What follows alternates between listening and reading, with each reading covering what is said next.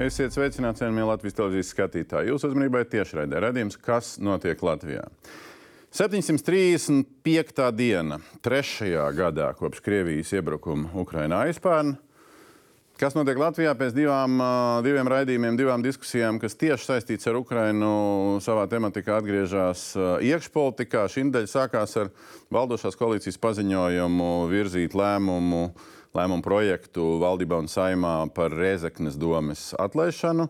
Un um, atvērts paliek arī jautājums, vai būs ārkārtas vēlēšanas, vai arī būs likuma grozījumi, kas nepieciešami, lai uh, pagaidu administratori pārvaldītu šo pašvaldību līdz nākamā gada pašvaldību vēlēšanām.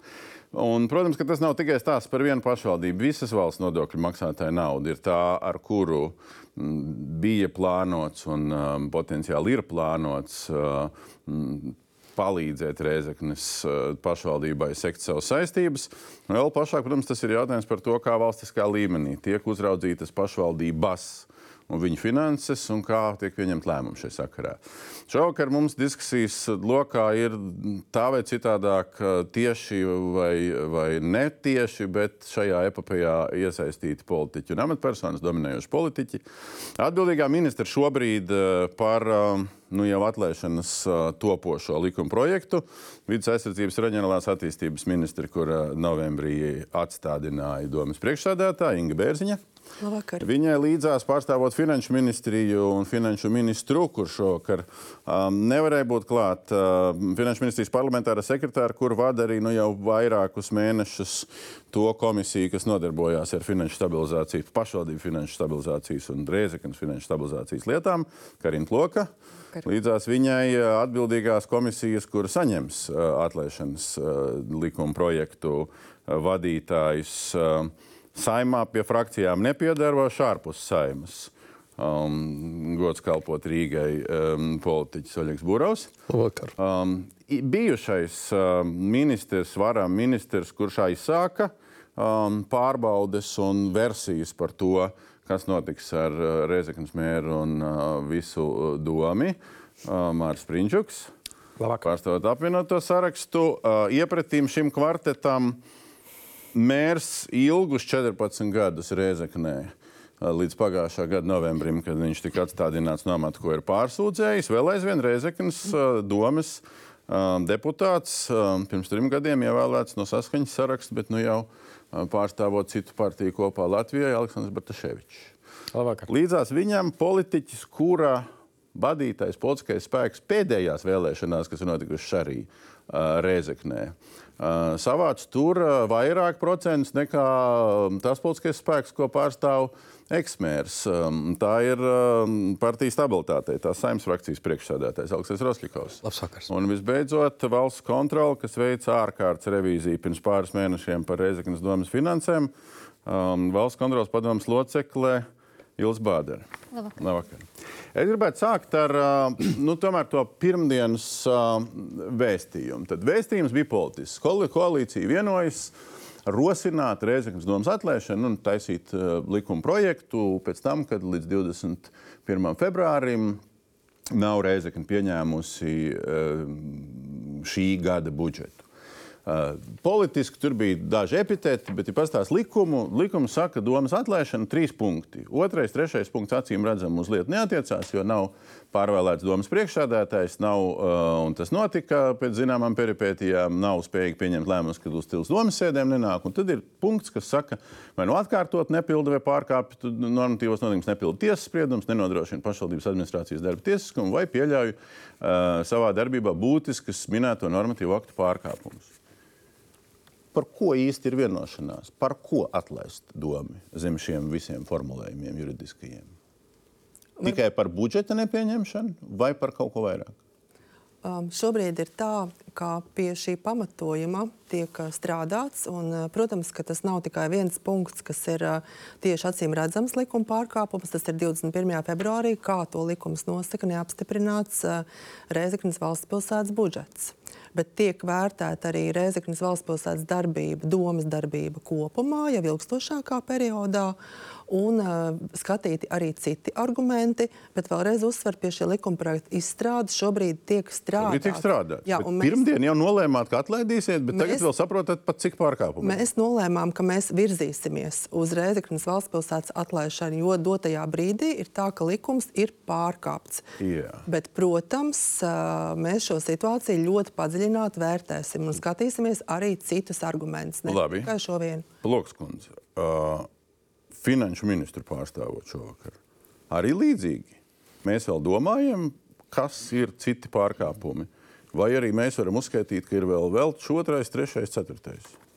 Nu, no mūsu puses, no finanšu ministrijas puses un pārstāvot finanšu ministru, mēs uh, varam teikt, ka viennozīmīgi tas ir pārkāpums, ka pašvaldības doma nav likumā noteiktajā termiņā pašvaldības budžeta pieņēmusi. Tas ir viens pārkāpums. Jautājums, jo, vai vēl kaut kas? Jo Reizeknas pilsētas doma ir vienīgā pašvaldība, kas likumā noteiktajā termiņā šo pienākumu nav izpildījusi vienīgā. Jā, jā, labi, labi. Bet vēl kaut kas, vēl pārējais viss nav. Jo, jo skatoties to ziņojumu, kas bija valdībā eh, februāra vidū, nu, eh, nu, tur jau tā var saprast, nu, ka ne, mēs strādājam ar domu, nu, tur kaut ko viņi pat sadarbojās. Kā, nu, tur nav teikts, nu, ka vispār ir jau krimināla situācija. Nu, Es tikai norādīšu to, ka mēs par to situāciju, ko mēs esam konstatējuši no savas puses Reizeknas pilsētas domē, esam vērsušies gan tiesību sargājušās institūcijās, gan valsts kontrolē, kas veids padziļinātu revīziju. Tā kā ir pārkāpumi, ko mēs esam konstatējuši, bet tas vairs nav finanšu ministrijas kompetencē. Jā, Bārdārskundze, vai valsts, no valsts kontrolas revīzijas puses, nu es saprotu, ka jums nav jāekspertizē vai atlaist vai neatlaist, bet nu tomēr Nu, vai jūs šobrīd redzat, ka ir pārkāpumu, nu, vai nu skaits, vai nu smagums, vai nu apjoms, vai nu vēl kaut kas, kad šim lēmumam šajā mirklī bija jābūt?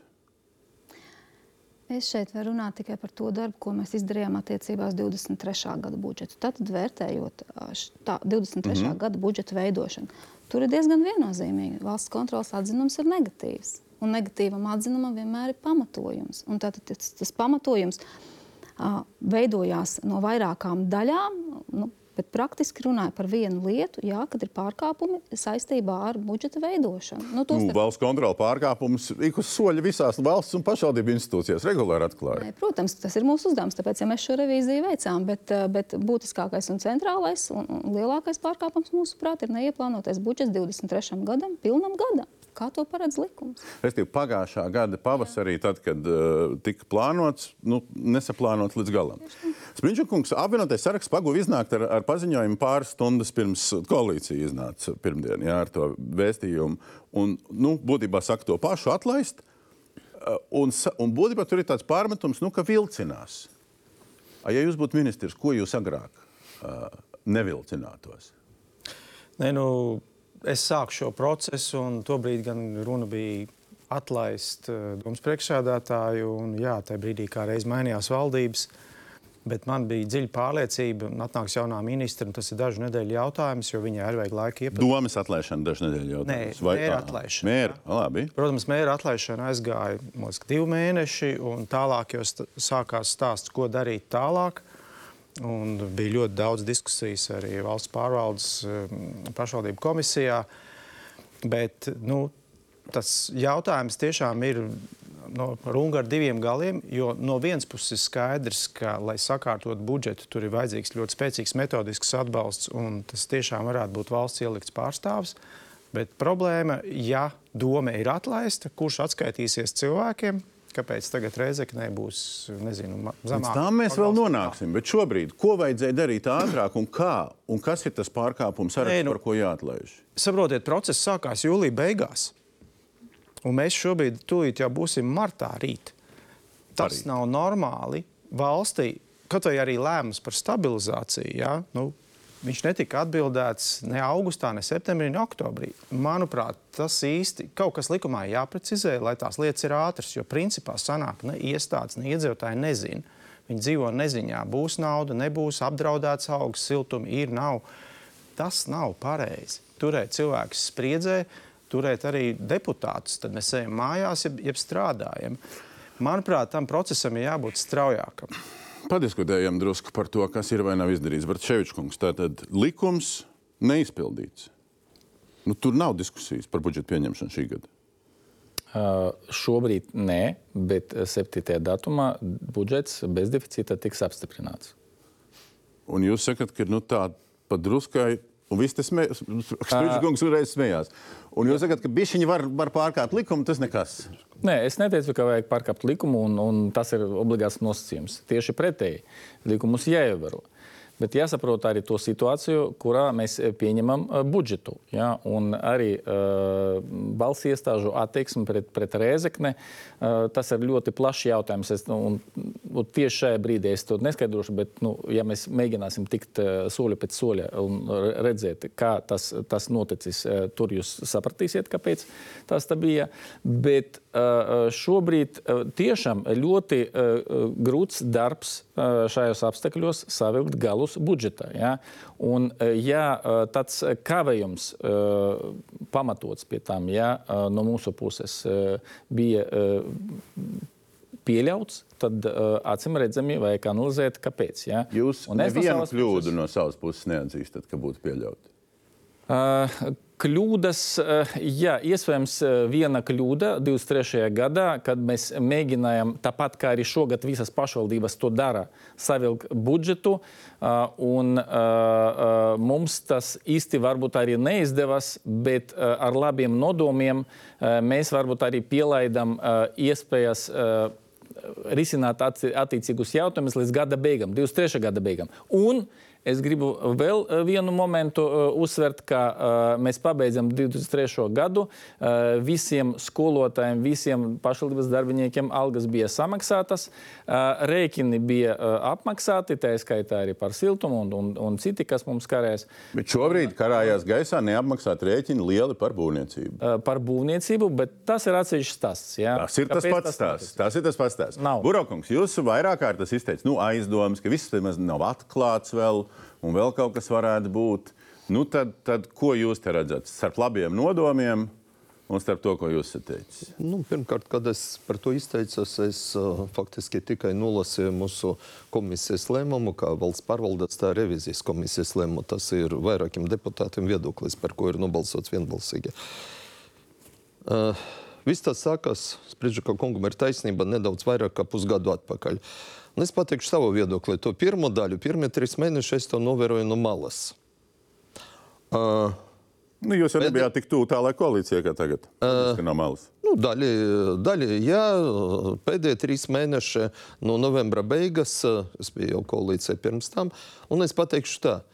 Arī pēc savas pieredzes, tāpēc, ka Rīgas doma savā laikā atstādināja uh, ministrs no sākuma domas priekšsēdētāju un pēc tam, un pēc tam doma. Uh, domas priekšsēdētāja atstādināšana vai domas atstādināšana, tas nav nekāds, tas ir krīzes situācija, nekas tāds nu, labs nav no tā. Un uh, vai tas ir vērtējums jautājums, vai vajadzētu atstādināt domas priekšsēdētāju vai uzreiz domē? Nezinu.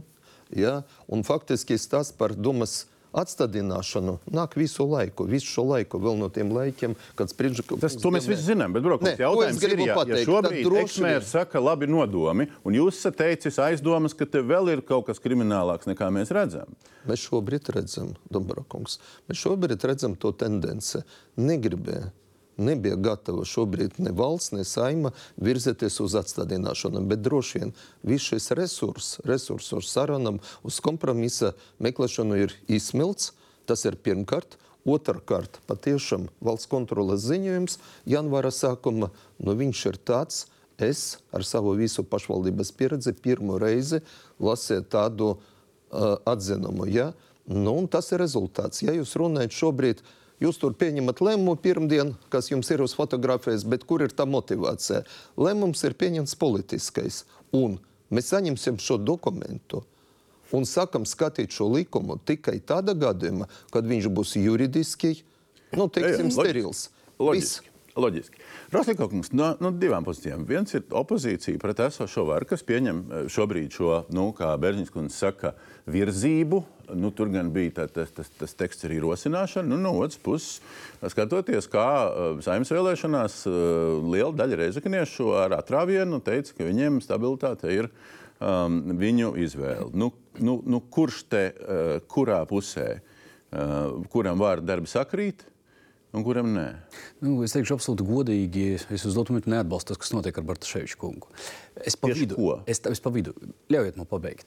Uz dotu momentu, manā skatījumā, notiek politiskas vidas rekultivācija. Ja? Vienkārši nevar Bartaševiča kungs pastāvēt reģionā, ja viņām parlamentā nav nekādas citas pārstāvniecības. Tas ir absolūtais fakts. Visām partijām, kas ir parlamentā, viņam ir jākontrolē reģionus. Rīgā ir bijis viens no tiem piemēriem, kur šo teiksim, tā, veidu izmēģināja un tagad mēģina izplatīt viņu uz reģioniem tālāk. Tāpēc šai konkrētajā gadījumā Bartaševiča kungam pieliekas daudzas kļūdas, bet viņš ir ievēlēts ar cilvēku balsīm, viņš tur ir leģitīms un viņš pārstāv cilvēku intereses. No otras puses mums ir vara, kas vēlās mainīt absolūti spēles laukumu. Un es no parlamenta redzu tikai šādi. Savādāk ne. Politiskas vidas rekultivācija. Mēs jau tālāk noteikti Bet tas nozīmē, ka jūs sakat šobrīd, ka rekultivējot politisko vidi, tas notiek kā ieganstu iznoma, izmantojot finansiālās problēmas. Jebšu tomēr jūs piekrītat, ka tas ir pamats, jo arī noteikti, juridiski noteikti pamats. pamats ir. Ir. Un šeit ir apstākļu sakritība. Vientuļš Bartaševiča kungs un ir pamatojums. Jā, te vairāk gribu teikt, es gribu pateikt tikai vienu teikumu. Kaut ko es nepamanīju, ka Latvijas attīstības pārstāvis, kas nav pārstāvēties saimā atstādījumā, viņi turpina strādāt. Un mēs ar viņiem sadarbojamies.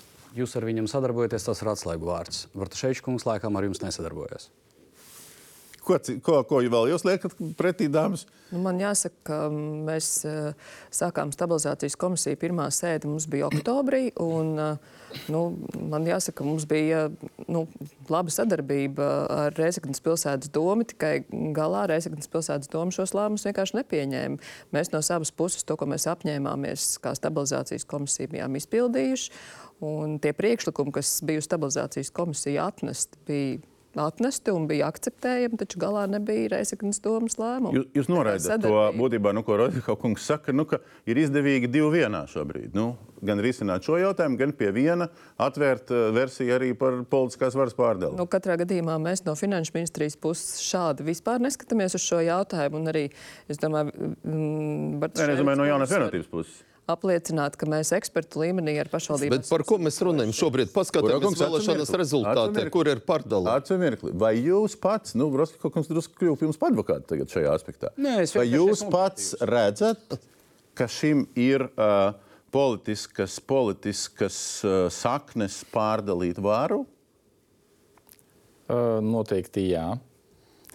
Uh, Bet es nejūtos vientuļš. Uh, Es esmu partijas vadītājs. Bet kas jums liek domāt, ka tas ir politisks motīvs? Nu, tieši kāds Ā, loks, kurš politiskie- saka, ka viss kārtībā. ā, Motīvi, viņi redzami, jebkura rīcība, kas notiek tagad ap Rezekni. Sakot ar ā, bezprecedenta kampaņu medijos, ā, ā, kuru mērķis ir nomelnot Rezekne ā, vadošo koalīciju, mani personīgi. Tas bija nomelnot? Tieši kas nomelno Jūs esat jūs? mediju cilvēks. Jūs zināt, cik tas maksā. Ot, viss, Kas kas, tieši ir notiek ap- nomelnošana? Ap Rezekni. Uh, nepatiesas lietas Nu, stāstīšana. konkrēti, viens piemērs, kas ir nomelnojošs. Kas jūs nomelno? Tas, ka mēs esam vainīgi tajā, ka nebija pabeigti projekti, nebija piešķirti kredīti. Tā ir nomelnošana, jā. Bet viņi nebija pabeigti. Nu? Nē, nu, projekti pabeigti. Jā. Bet kredīti nav izsniegti ne tāpēc, ka mēs tur partnerējam kaut kādu naudu, bet tieši pretēji, un, un tas sare- sarežģījumi, kā arī citas pašvaldības, tas notiek. jā. Tad nozīmē, ka Ar- valsts kontrole ar- arī jūs nomelno. Tā iznāk. Uh, nu, tur jāskatās, jā, jāanalizē katru slēdzienu uh, attiecībā uz katru konkrētu gadījumu. Jā. Tad, tad uh, mēs to mēģinājām darīt, pieņemsim, uh, ar uh, rīkojumu Berziņas rīkojumu par manu atcelšanu. Jā, tur ļoti Tur skaidri. gaidām tiesu. Tur gaidām tiesu. Gaidām tiesu, Tur redzēsim, jā. kas tur būs. prasiet pie- pie- Jā. Nē, nu, tas, ko es tramvajā saklausījos, ir, ka nu, tās problēmas Reizeknē finanšu vadība bija bijušas jau ilgstoši, jau gadu gadiem ar iepriekšējā saimā un tam līdzīgi. Tikai ir tāda viena īpašība, ka visās saimās bija saskaņa. Un bija kādi krustāvi, kuri aizgāja uz finanšu ministriju un sakārtoja lielākas vai mazākas problēmas, kādas nu tajos laikos bija. No šīs vietas konkrētāk. redziet. No šīs vietas konkrētāk. Es jau tā arī Ko tai tramvajā vēl teicu? Jūs nekāpāt ārā. ka tik Tagad tas krustāvs vairs nav. Daļēji varbūt jau taisnība Urbanovičam ir. Bet ne tik brutālā veidā, ka nu, tagad, kā saka, novāksim galveno konkurentu. Skaidrs, ka iedzīvotājiem ir jāredz savs varonis, un kāpēc tagad būs tik grūti, un tagad viņi to redzēs. Un tā ir godīga situācija. Jā, es, eh, man tomēr gribētos nokomentēt eh, attiecībā par to politisko vidi. Es līdzīgi kā Karina Ploka un Finanšu ministrijā uzskatu, ka šeit eh, tieši nav politika. Mēs, esam, mēs dzīvojam demokrātiskā valstī, kur ievēro likums. Un šādi ir arī bijusi mūsu pieeja, un mēs respektējam leģitīmi ievēlētas domas. Un, protams, ka pats svarīgākais šajā situācijā, par ko vienmēr jāatcerās, ir Rēzeknas iedzīvotāji, kuri nedrīkstētu ciest šajā situācijā. Jā, un tieši tāpēc, kopumā skatoties uz šo situāciju, kas nav izveidojusies vienā dienā, pareizi jau norādījis Princikungs, kas ir sākusies jau no pagājušās vasaras, mēs esam darījuši visu, lai doma strādātu un devuši tā laiku. To es gribu pateikt, ka tur nav politiski motīvi. Tieši pretēji, mēs esam veikuši darbības, lai doma piespiests lielā mērā strādāt un viņi pildītu uh, uzticību, ko ir devuši Reizeknas iedzīvotāji. Un- un tagad mēs no šīs redzam, vietas, mēs- mēs Es esam pabeigšu, darījuši es pabeigšu, visu. Es pabeigšu. Es pabeigšu. Un kā mēs redzam līdz šim brīdim, šodien, 21. februārī, šis nepieņemtais budžets, kur no valdības puses gan stabilizācijas komisija, gan atsevišķs lēmums, kā arī izsināt šo situāciju, gan visas iepriekšējās darbības, ir de, deva Rēzeknas uh, domai iespēju sakārtot budžetu. Tas nav izdarīts joprojām. Un šobrīd, un no tas, ko šī- jūs jautājāt sākumā, tā tad ir šis viens beidzamais likuma pārkāpums. Un tā kā mēs vēlējāmies tomēr dot Rēzeknas domai iespēju strādāt, lai nebūtu šie politiskie motīvi, šobrīd jau juridiski vērtējot, mēs pārskatīsim ne tikai šo beidzamo pārkāpumu, bet arī tos, kas ir valsts kontrolas atzinumā, un tos, kas ir bijuši arī iepriekšējā laikā un Jā, periodā. Un tagad patinam filmu atpakaļ. Uh, Patiesībā man liekas, ka tās nesākās pagājušā gada vasarā. Tās sākās stipri agrāk. Nu, ja mēs tā paskatāmies, tas caurums, kas ir izveidojies, nu, pret tiem Bārzes man labos, nu, rūpīgi runājot, lai cilvēki vien, vienkāršāk uztvertu, nu, pret tiem 50 miljonu budžetu, nu, tur drusku mazāk, drusku vairāk izdevuma ieņēmumu kurā gadā, nu, tie vairāki miljoni no kuriem uh, kuri ir nesakt, nesaktas saistības, pret kurām prasa valsts piec, līdz 5 miljoniem uh, stabilizācijas programmu, no kuriem lielākais, pārliecinoši lielākais objekts ir daudz apspriestais spā. Komplekss, nu, vizualizācija te vēl aizvien Reizeknas mājaslapā ir spā. Uh, komplekss, uh, kur ir parāds jau pār pa 3 miljoniem. Un tagad es gribu uh, nospēlēt vienu video no oktobra raidījuma, kur piedalās gan Bērziņš kundze, kas bija šeit pat kļuvusi par ministru, gan Spriņģa kungs, kas vairs nebija ministrs, un vēl tajā vietā, kur valsts kontrols padomus loceklis sēž, sēdēja um, Providus pārstāve um, Stefets kundze, un piesaucot Reizekni, mēs runājām, un jūs runājāt sekojoši. Reizeknas gadījumā būtu vērts padomāt, vai bija kāda sarkanie karogi, un iespējams tā nav vara ministrija, bet finanšu ministrija, kur tomēr jau laicīgi spēja noreaģēt. Mums tā situācija valstī, jā, Mārcis jau arī to zina, ir tā, ka pašvaldību finanšu uzraudzība ir finanšu ministrijas pārziņā, un likumīgi, likumības ievērošanas um, pārau, savukārt ir uh, vērama pāraudzībā. Finanšu ministrija šobrīd uh, pilda tādu tā kā ventili.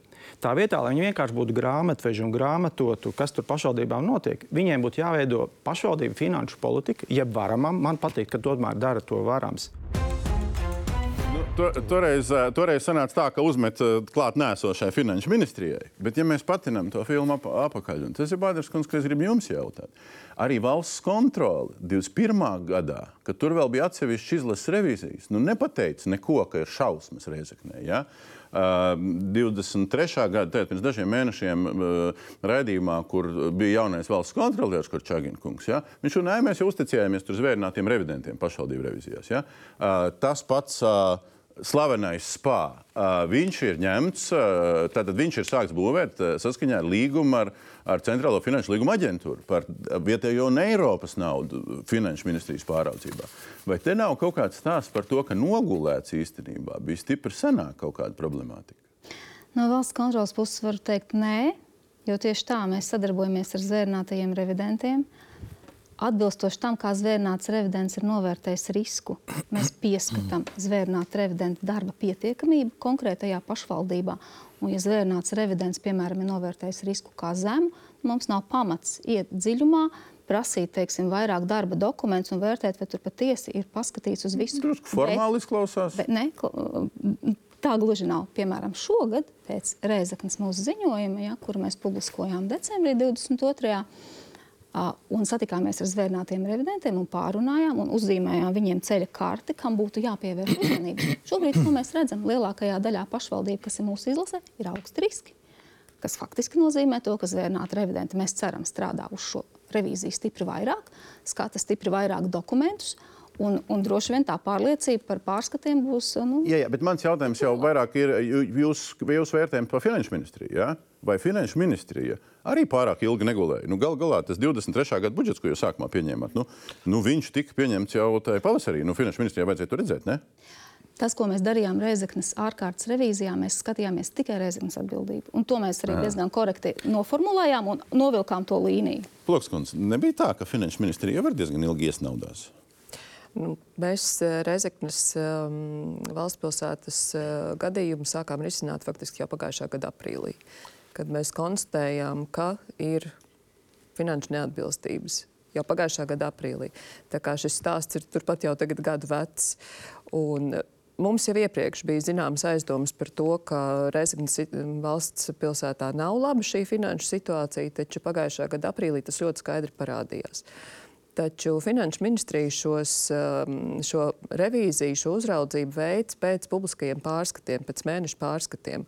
Un uh, Reizeknas pilsētas gadījumā bija tā situācija, ka šajos pārskatos nebija uzrādīta pilna informācija. Es tie maldināju.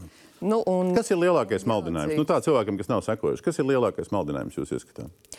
Faktiski mums bija trīs lietas, par ko mēs, par ko mēs runājām pagājušā gada budžeta kontekstā, nu, par Reizeknas pilsētas budžetu. Tas bija um, iztrūkums, kura mēs nevarējām atrast, uh, atrast pamatojumu. Un vēl bija pāris lietas, ko mēs nu, skatījāmies, kas mums likās, ka nu, ir tādi sarkanie karodziņi. Tā kā, nu, šī situācija, mēs par to informējām Reizeknas pilsētu jau pagājušā gada maijā. Sakot, ka mums līdz jūnijam ir jāiesniedz plāns. Šo plānu Reizeknas pilsēta iesniedz tikai augusta vidū. Tā kā mēs šo monitoringu veicām faktiski jau.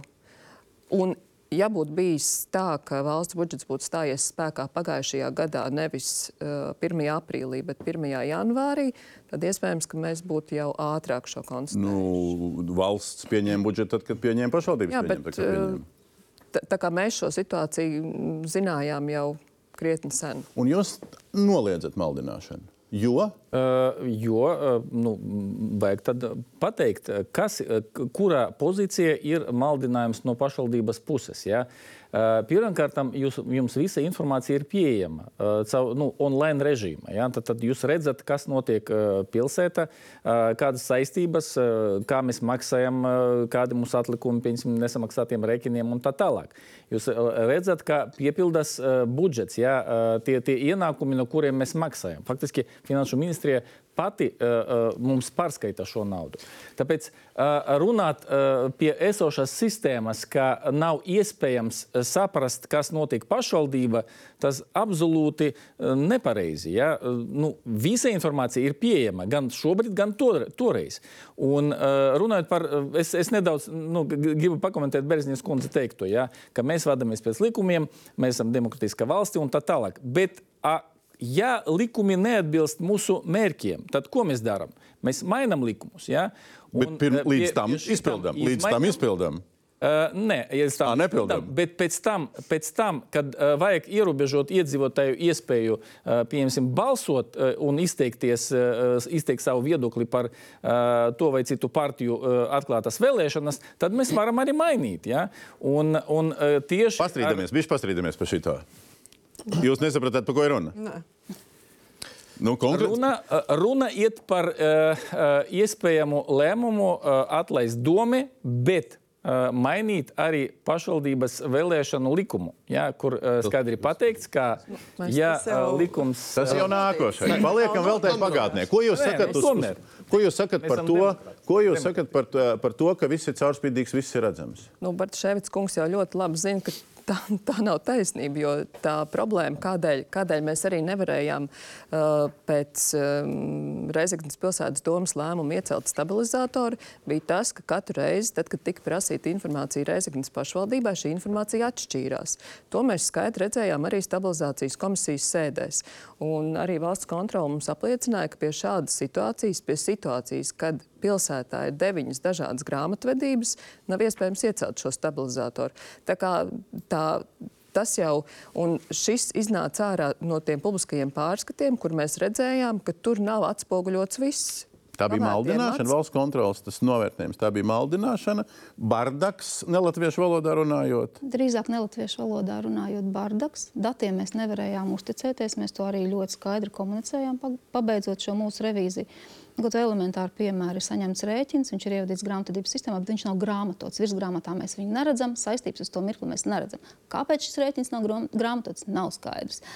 Un, jebkurā gadījumā, mēģinot vispār savilkt kopā kaut kādus galus, mēs diemžēl palikām pie tā, ka mums savu atzinumu negatīvo nācās sniegt ar ierobežotu pārliecību. Tad ne ar pilnu, ne pilnīgi liekot roku uz sirds, ka tiešām ir tā, kā ir, bet ar ierobežotu pārliecību, jo nebija šo sakarīgu, ticamu finanšu datu.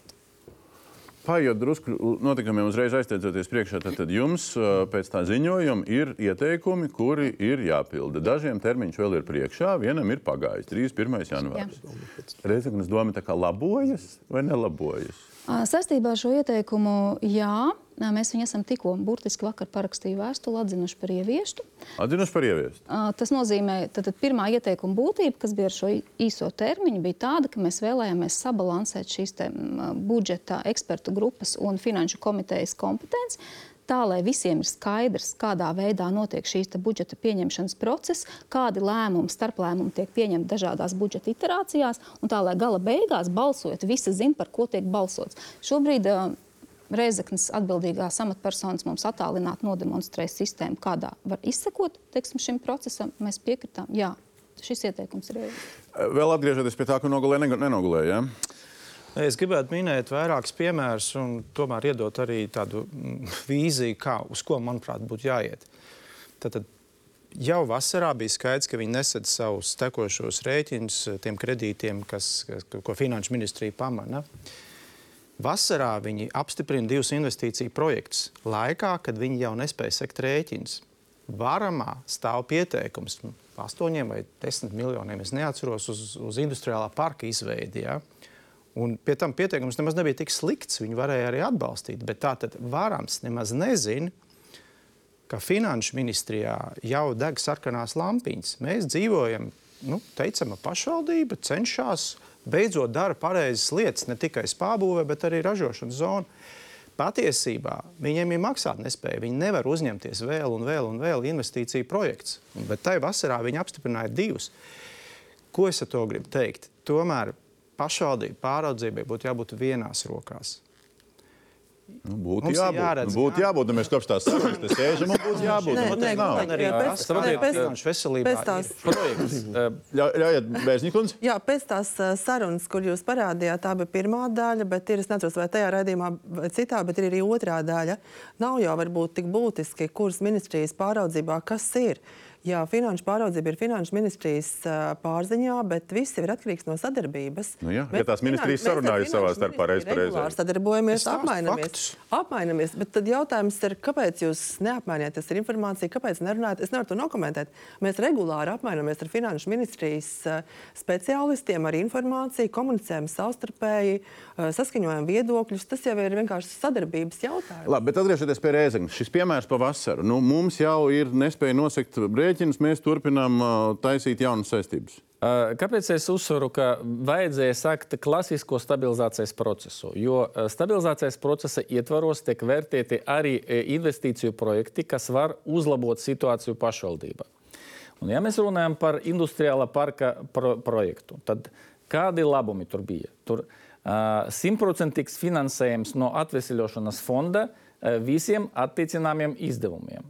Jā, jūs te pareizi teicat, ka mēs ļoti labi sagatavojam šo projektu. Faktiski uh, gandrīz jau visa nauda uh, bija uh, paredzēta no struktūra fondiem šim projektam. Tad Rezultatīvi rādītāji iznākums no šī projekta realizācija bija uh, apmēram uh, 1 miljons eiro uh, nodokļu uh, teikt, uh, maksas, ja viss tas darbotos tā, kā bija paredzēts, ja, piecu gadu laikā. Ja, tad, tad, mēs ar, šo, ar šī projekta realizāciju mēs dabūtu pap, papildus ienākumus pašvaldības budžetam. Ja, bet nebija nekādas runas, ka vispār ir iespēja to realizēt. Ja. Jā, ne? Nekāda, ne, nu, faktiski minimāli bija jāpiefinansē uh, pašvaldībai un noteikti ne 23. gadā, ne 24. gadā. Ja? Es, es atbildēšu tā, tas- tā tēlaini.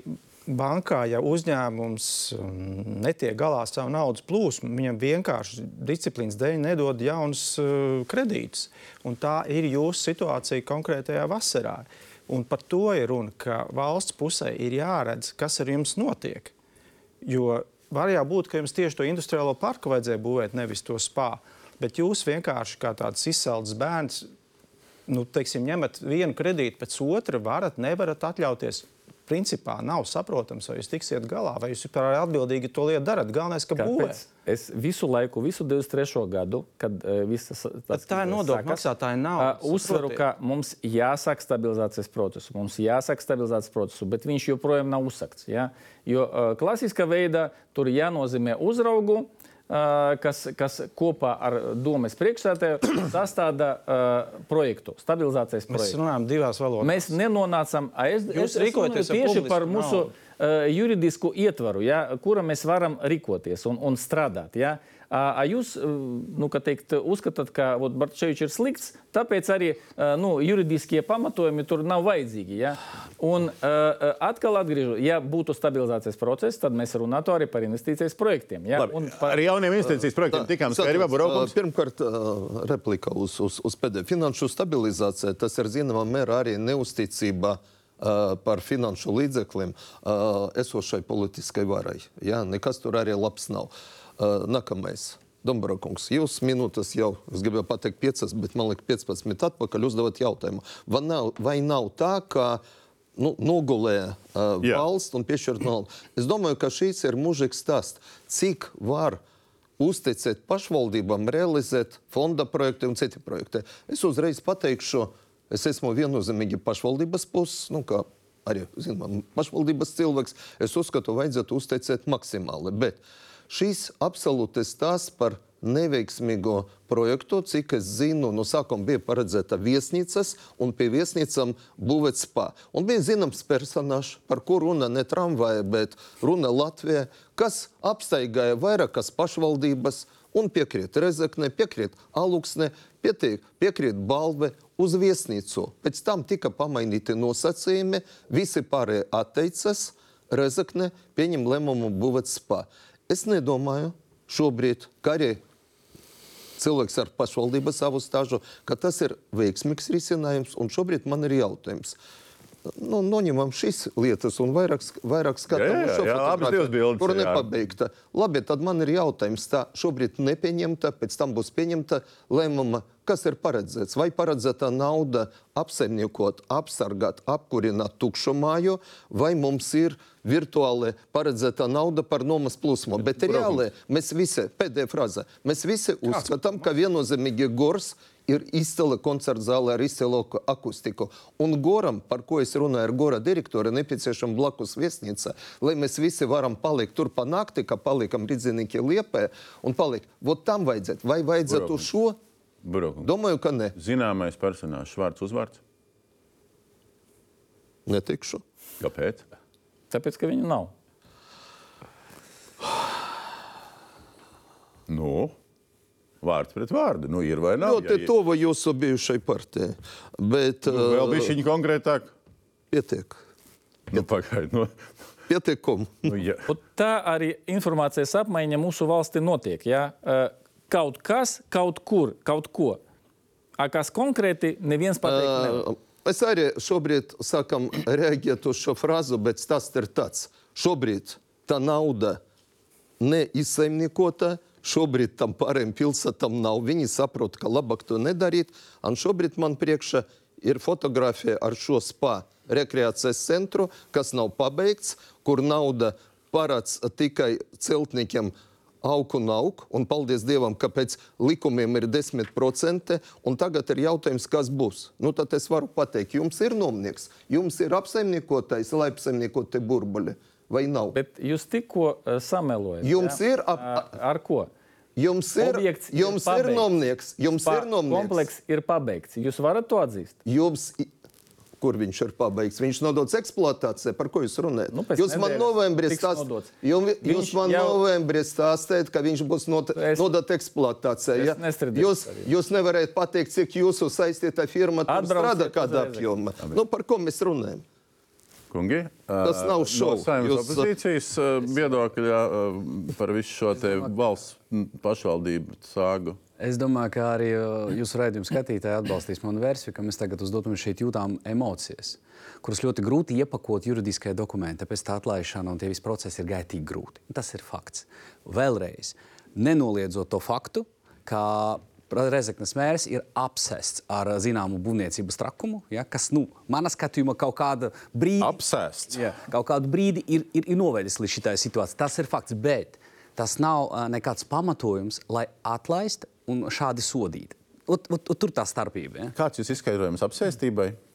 Es domāju, ka mēs tālāk raidījumā zināsim, Runājam uzreiz. personāžus, varbūt tos cilvēkus, kas gūs Sakiet, jūs kādu personāžu varat Tad, pateikt? uh, Nu? jautājums- Jūs varat sie- sievas un brāļa firmu, tad varbūt tomēr nosaucam, ja tā ir apsēstība. Es domāju, ka tas ir kā diezgan attīstīt. Latviju? Kā, kā, uh, kad Bez savas firmas ne- brūti, ja, pēc jūsu uzskata. Nepiesaistot investorus uh, privātus. No savas kā ģimenes. mēs plānojam attīstīt Latviju?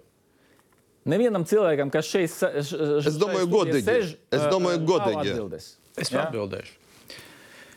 Saprotiet, mēs esam viena valsts. Šobrīd, piemēram, tiek mēģināts sakārtot skolu tīklu, pasta tīklu, vēl kādus tīklus.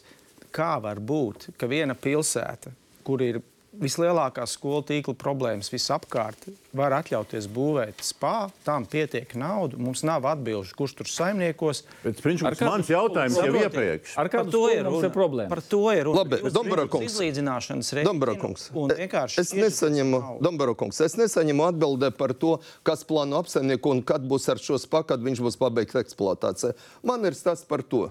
Mēs visi izlasījām un bijām izbrīnīti komisijas sēde par Rezeknes siltumu. Par to, ka ir pārmaksāt, par to, ka Rezeknes iedzīvotāji maksā par siltumu vairāk. Sakiet, lūdzu, Bartaševiča kungs, cik siltuma saražo pašvaldības uzņēmumi un cik privātie? Procentuāli. Ne, es nezinu, es jums to nepateiktu. Jūs neziniet?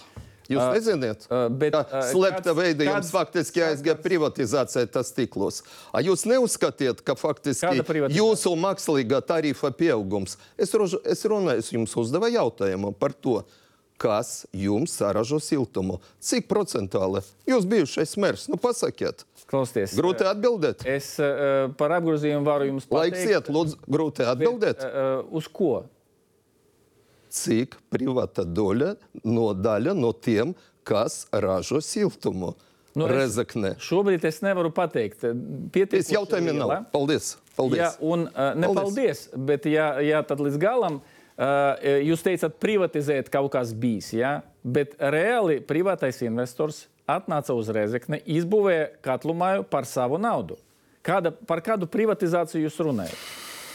Es runāju par to, kas ražo siltumu. Eh, Paldies. Un tad man ir Dombara kungs vēl viens jautājums. Nē, jau, jautājums te dažādi var uzdot, bet drusku nu, arī ejam kaut kā soli pa solim. tad attīstiet Jums no šī stāsta ir kaut kas konkrēts pateikt, kas bija neefektīvi siltuma ražošanā līdzās spā un visam pārējiem? Kas bija neefektīvi šajā Nu, jomā? Pirmkārt, Es domāju, ka jūs izlasījāt valsts kontroles atzinumu. Ja? Kas ir valsts kontroles rakstīt, par kādu summu ir pārmaksāta rezeknes siltums. Un šeit ir secinājums. Paskatāmies uz vienu pilsētu, kas nav tālu Latgale. Sava laika tur bija 90%, 60% piederē tiem, kas ražo siltumu privātiem. Un 40 pašvaldībai. Šobrīd šī proporcija - 10 privāti, 90 pašvaldībai. Es uzdevu ļoti vienkāršu jautājumu, kāda šeit ir proporcija. Un no tā man ir sava, es atvainojos, sazvērstības teorija. Varbūt mākslīgais pieaugums tarifiem, to, ko valsts kontrole nofiksē, ir tāpēc, ka faktiski speciāli, lai nodrošinātu privātiem to lielākie tarifi, lai viņiem būtu izdevīgi. Un mēģināt šobrīd pateikt, ka mana sazvērstības teorija nav pareiza, bet pēc tam izskaitiet procentus. Mēģiniet pateikt, kāpēc nav pareiza. Pieļaujat iespēju privāti. Rezekne, Tas ir par saimnieku. Tāpat kā arī Rīga tarifi bija apstiprināti ar regulātora lēmumu. Tad Tas Rīgas ir tarifi demagogija. Tas ir demagogija. 200 Jūs varējāt atnākt un palūgt pamainīt. Ļaujiet tarifu. tagad, ļaujiet tagad Samazināt. pateikt par Kam, šefu. kam man bija jā- jājautā un kam bija jāuzdot rīkojumu, lai pamainītu tarifu? aiziet.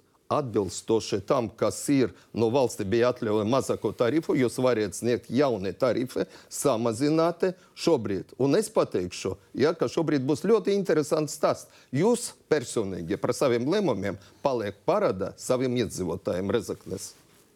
Es vispār nu, atvainojos, bet es nesaprotu, ko Vuragun grib panākt. Jūs savstarpēji vēlreiz pakliedzāt? Vienīgais, Tad eh, Rīga, kam, kam bija tarifi 250 eiro, tas ir normāli. Rezekne 214 maksimālais tarifs, tas ir, tas ir pārkāpums ja, un krimināla noziegums. Pareizi es sapratu. Es neteicu kriminālu noziegumu. Es jums Ok, okay, pajautāju, nu, es jums pajautāju par to, cik ir Eh, tikli. Jūs mēs, nevarat atbildēt. Paldies, investē- paldies, es, investē- Ievelkam elpu. paldies, Kungi, viss kārtībā. ievel, ievelkam elpu. Paldies. Iedodam tagad dāmām, dāmām vārdu. Kungi, Burakungs pateica savu versiju, Jā. nu, un, un man jūs liedzat to darīt. Ja? Kāda ir jūsu versija? Tad īsi un mana, precīzi. mana versija, ka uh, nekādas krāpšanas nebija, jo, jo tarifu apstiprina regulators. Sagatavo uh, valde uh, uzņēmumā, kas uh, nu, uh, ražo siltumu. Un uh, kur uh, bija uh, loma uh, domas priekšsētājiem vai kapitāla daļa turētājiem šajā, šajā ķēdītē, ja, kā jūs teicat, noziedzīga? Un, uh, nu, lūdzu, Es neteicu paskaidrot. noziedzīgi. Jā. Labi.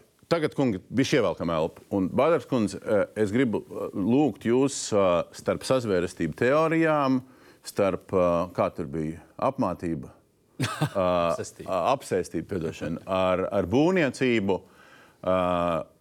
Bija tā neitrālāk skatoties. Fonā tā skaitā skatoties, mēs te uztaisījām tādu kartīti par saistībām, Latvijas visu pašvaldību saistībām uh, uh, pret saviem ieņēmumiem. Nu, tur ir metodoloģijas nianses, bet, nu, principā, tad, tad Rēzekne tas mazais punktiņš ir ar visaugstāko procentu pret ieņēmumiem finanšu ministrijas dati. Ja? Alūksnes novads ļoti daudz neatpaliek, tie ir divi, kas ir virs 20%, tad ir tie uh, stingrāk sarkanie ir 15 līdz 20, bišķi blāvākie 10-15, nu, un tad uz, uz baltu ejot ir, ir zem 10.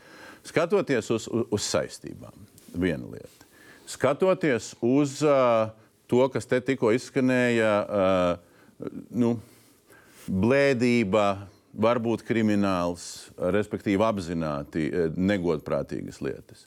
Starp to, ko jūs teicāt, vienkārši bardaks tautas valodā, es teicu vienkārši tautas valodā, un starp vēl kaut kādām tam līdzīgām lietām. Vai Rēzekne ir tāds īpaši, īpaši sliktāks stāsts, un, ja jā, tad kāpēc? Vai arī tas atrāviens, cik slikts tās ir rēzekne, ņemot vērā, ka valsts kontrole pārbauda tā vai citādāk dažād, dažādos aspektos pašvaldības. Vai tas atrāviens nav liels, nu vienkārši rēzekne sakrājās vairāk, nu un plus vēl iekrita ar uh, visu inflāciju un visiem kredītprocentu pieaugumiem? Mēs ļoti ceram, ka, nu, ka šis varbūt ir tāds. Um, labi, sākšu vēlreiz. Mēs ļoti ceram, tas tāds sākums, nu tāds. Uh, Tas, par ko mēs runājam Rēzeknas kontekstā, un tad, kad mēs revidējām un domājām par ieteikumiem, kas ir galvenais revīzijas rezultāts, un par to bardaku, ko mēs redzējām tieši attiecībā uz finanšu vadību, mēs sapratām, ka patiesībā ir jāatgriežas pie saknēm. Un šīs saknes, kuras būtu jāsakārto, es teiktu, mēs esam pamanījuši arī citās pašvaldībās. Un liekas, ka tā ir ābece. Mēs runājam par vienkāršām lietām, par elementārām lietām, ieviest sakarīgu atbalstošu un pareizu iekšējās kontrolas sistēmu. Punkts viens. Tā, lai tiešām visi zinātu, kas par ko atbild, lai process ir skaidrs no sākuma līdz beigām. Tā ir viena liela lieta. Un tur, tur ir trūkumi droši vien arī citās pašvaldībās. Un otrs šajā gadījumā bija nu, tieši šie finanšu dati, finanšu dati un centralizācija. Un tie rēzeknes ieteikumi, kur ir fokusēti rēzeknei, es teiktu, viņi ir multiplicējami arī uz citām pašvaldībām. Jebkura var paskatīties un padomāt, tā, kā ir man.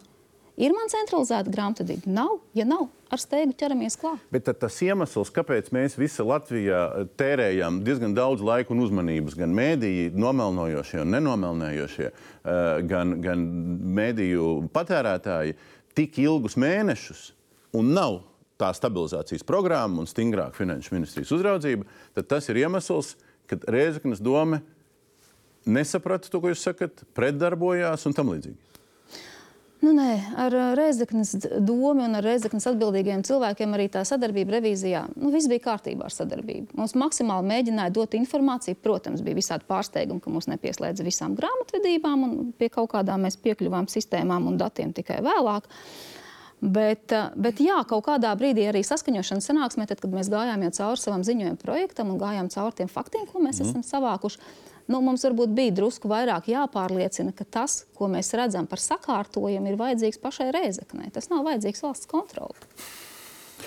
Un tagad uz šī fona 5 miljoni karājās gaisā. Barčevičs saka, eh, doma potenciāli atlaižamā, bet ne līdz nākamajai nedēļai.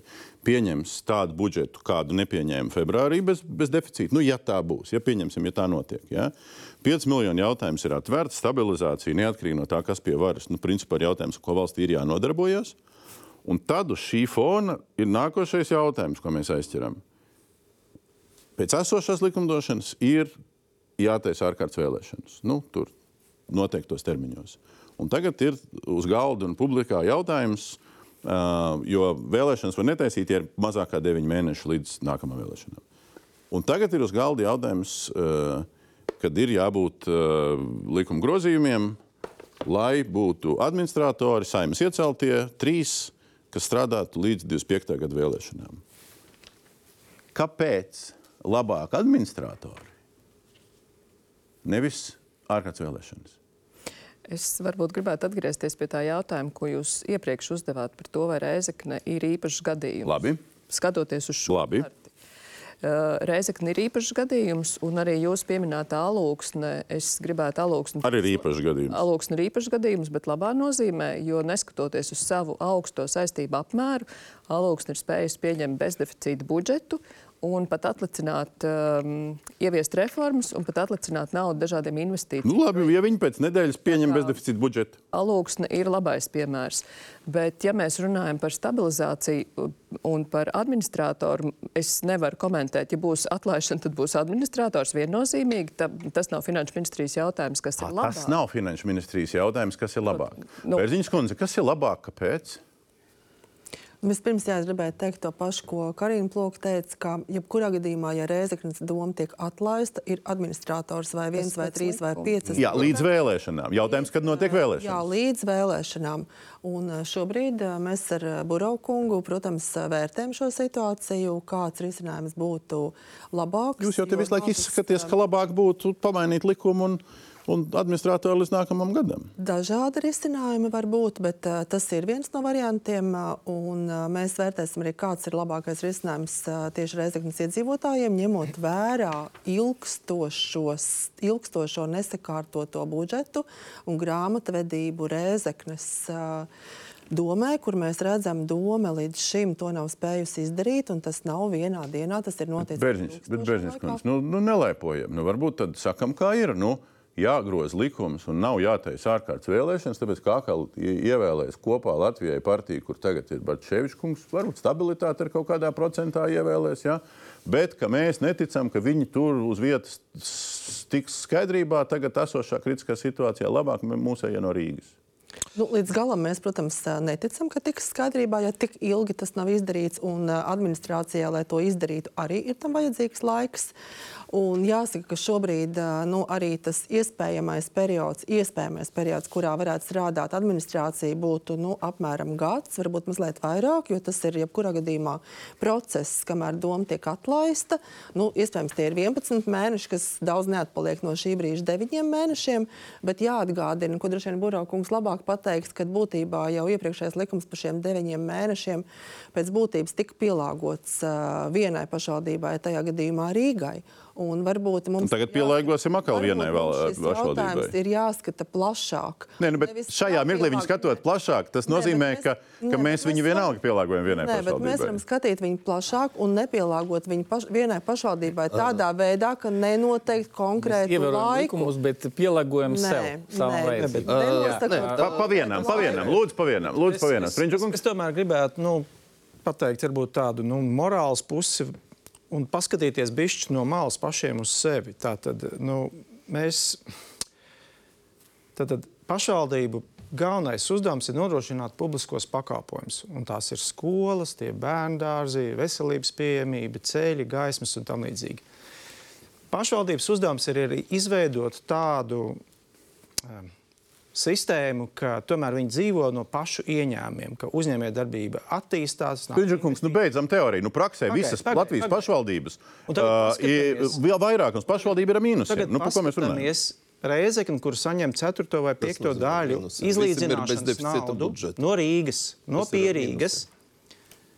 Vai Rīga var atļauties ārā siltos basēnus, vai Rīga var atļauties būvēt par nodokļu maksātāju naudu spā centrus un vēl viesnīcas? Jautājums ir arī par to, kur aiziet šī nauda. Un es pie, Labi, bet tagad no šī Ar būvniecību. Tagad no šī vispārīguma atpakaļ pie konkrētās situācijas. Kāpēc apvienotais saraksts saka, uh, uz uh, 11 gadiem uh, mums nezinām, vārdā nenosaukta trīs administratori, nevis jauna doma, jaunās vēlēšanas? Nē, nu es atvainojos. Pagaid, nu, pa vienam, pa vienam, pa vienam. Kāpēc?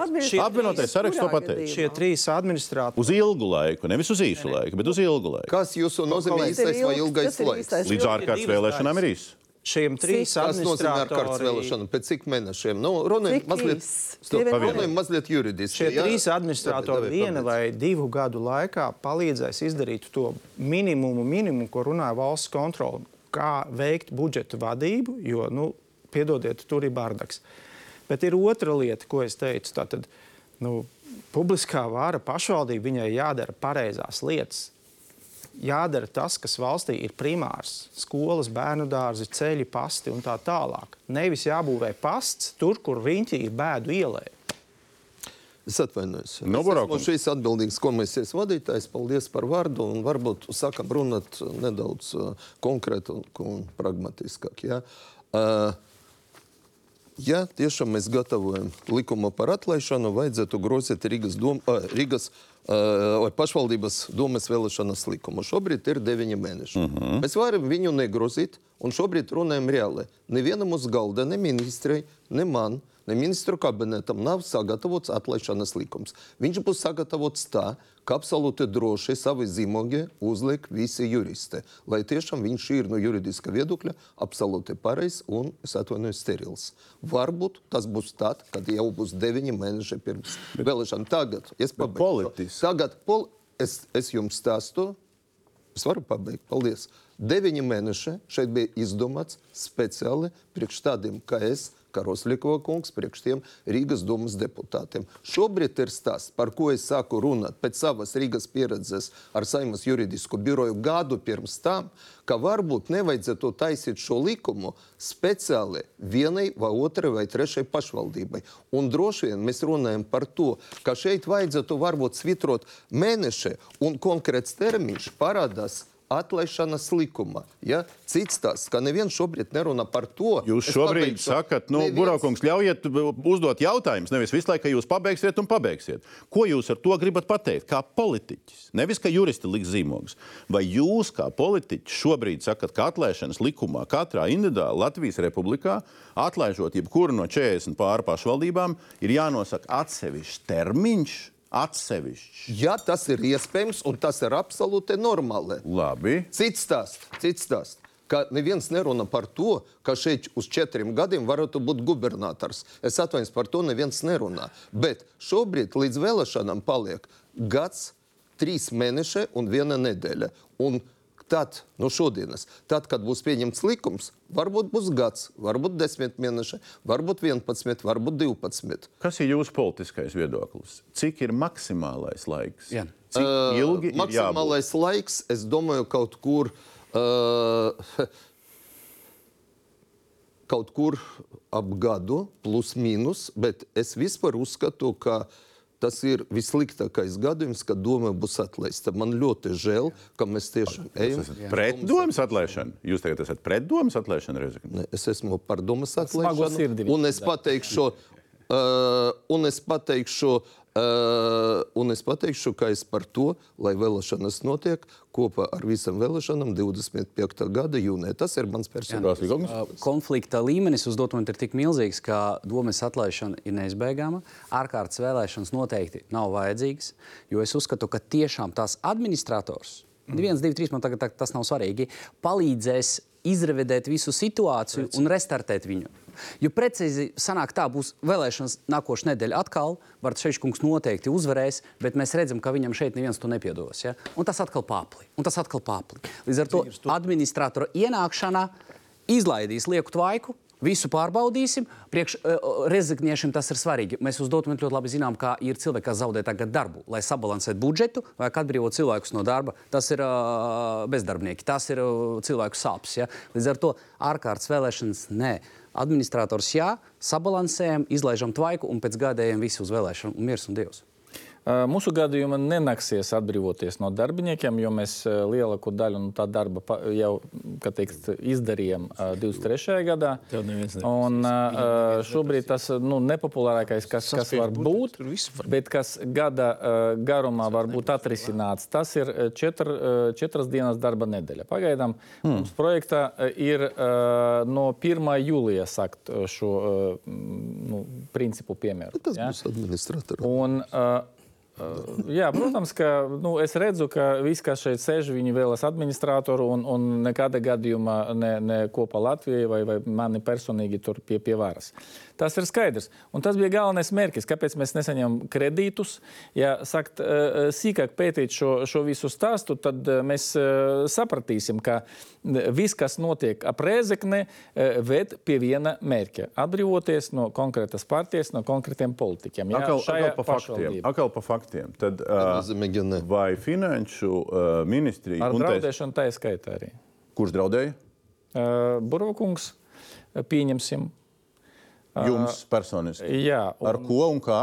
Ar teikt, iespēju pārkvalificēt administratīvas lietas par kriminālu lietām.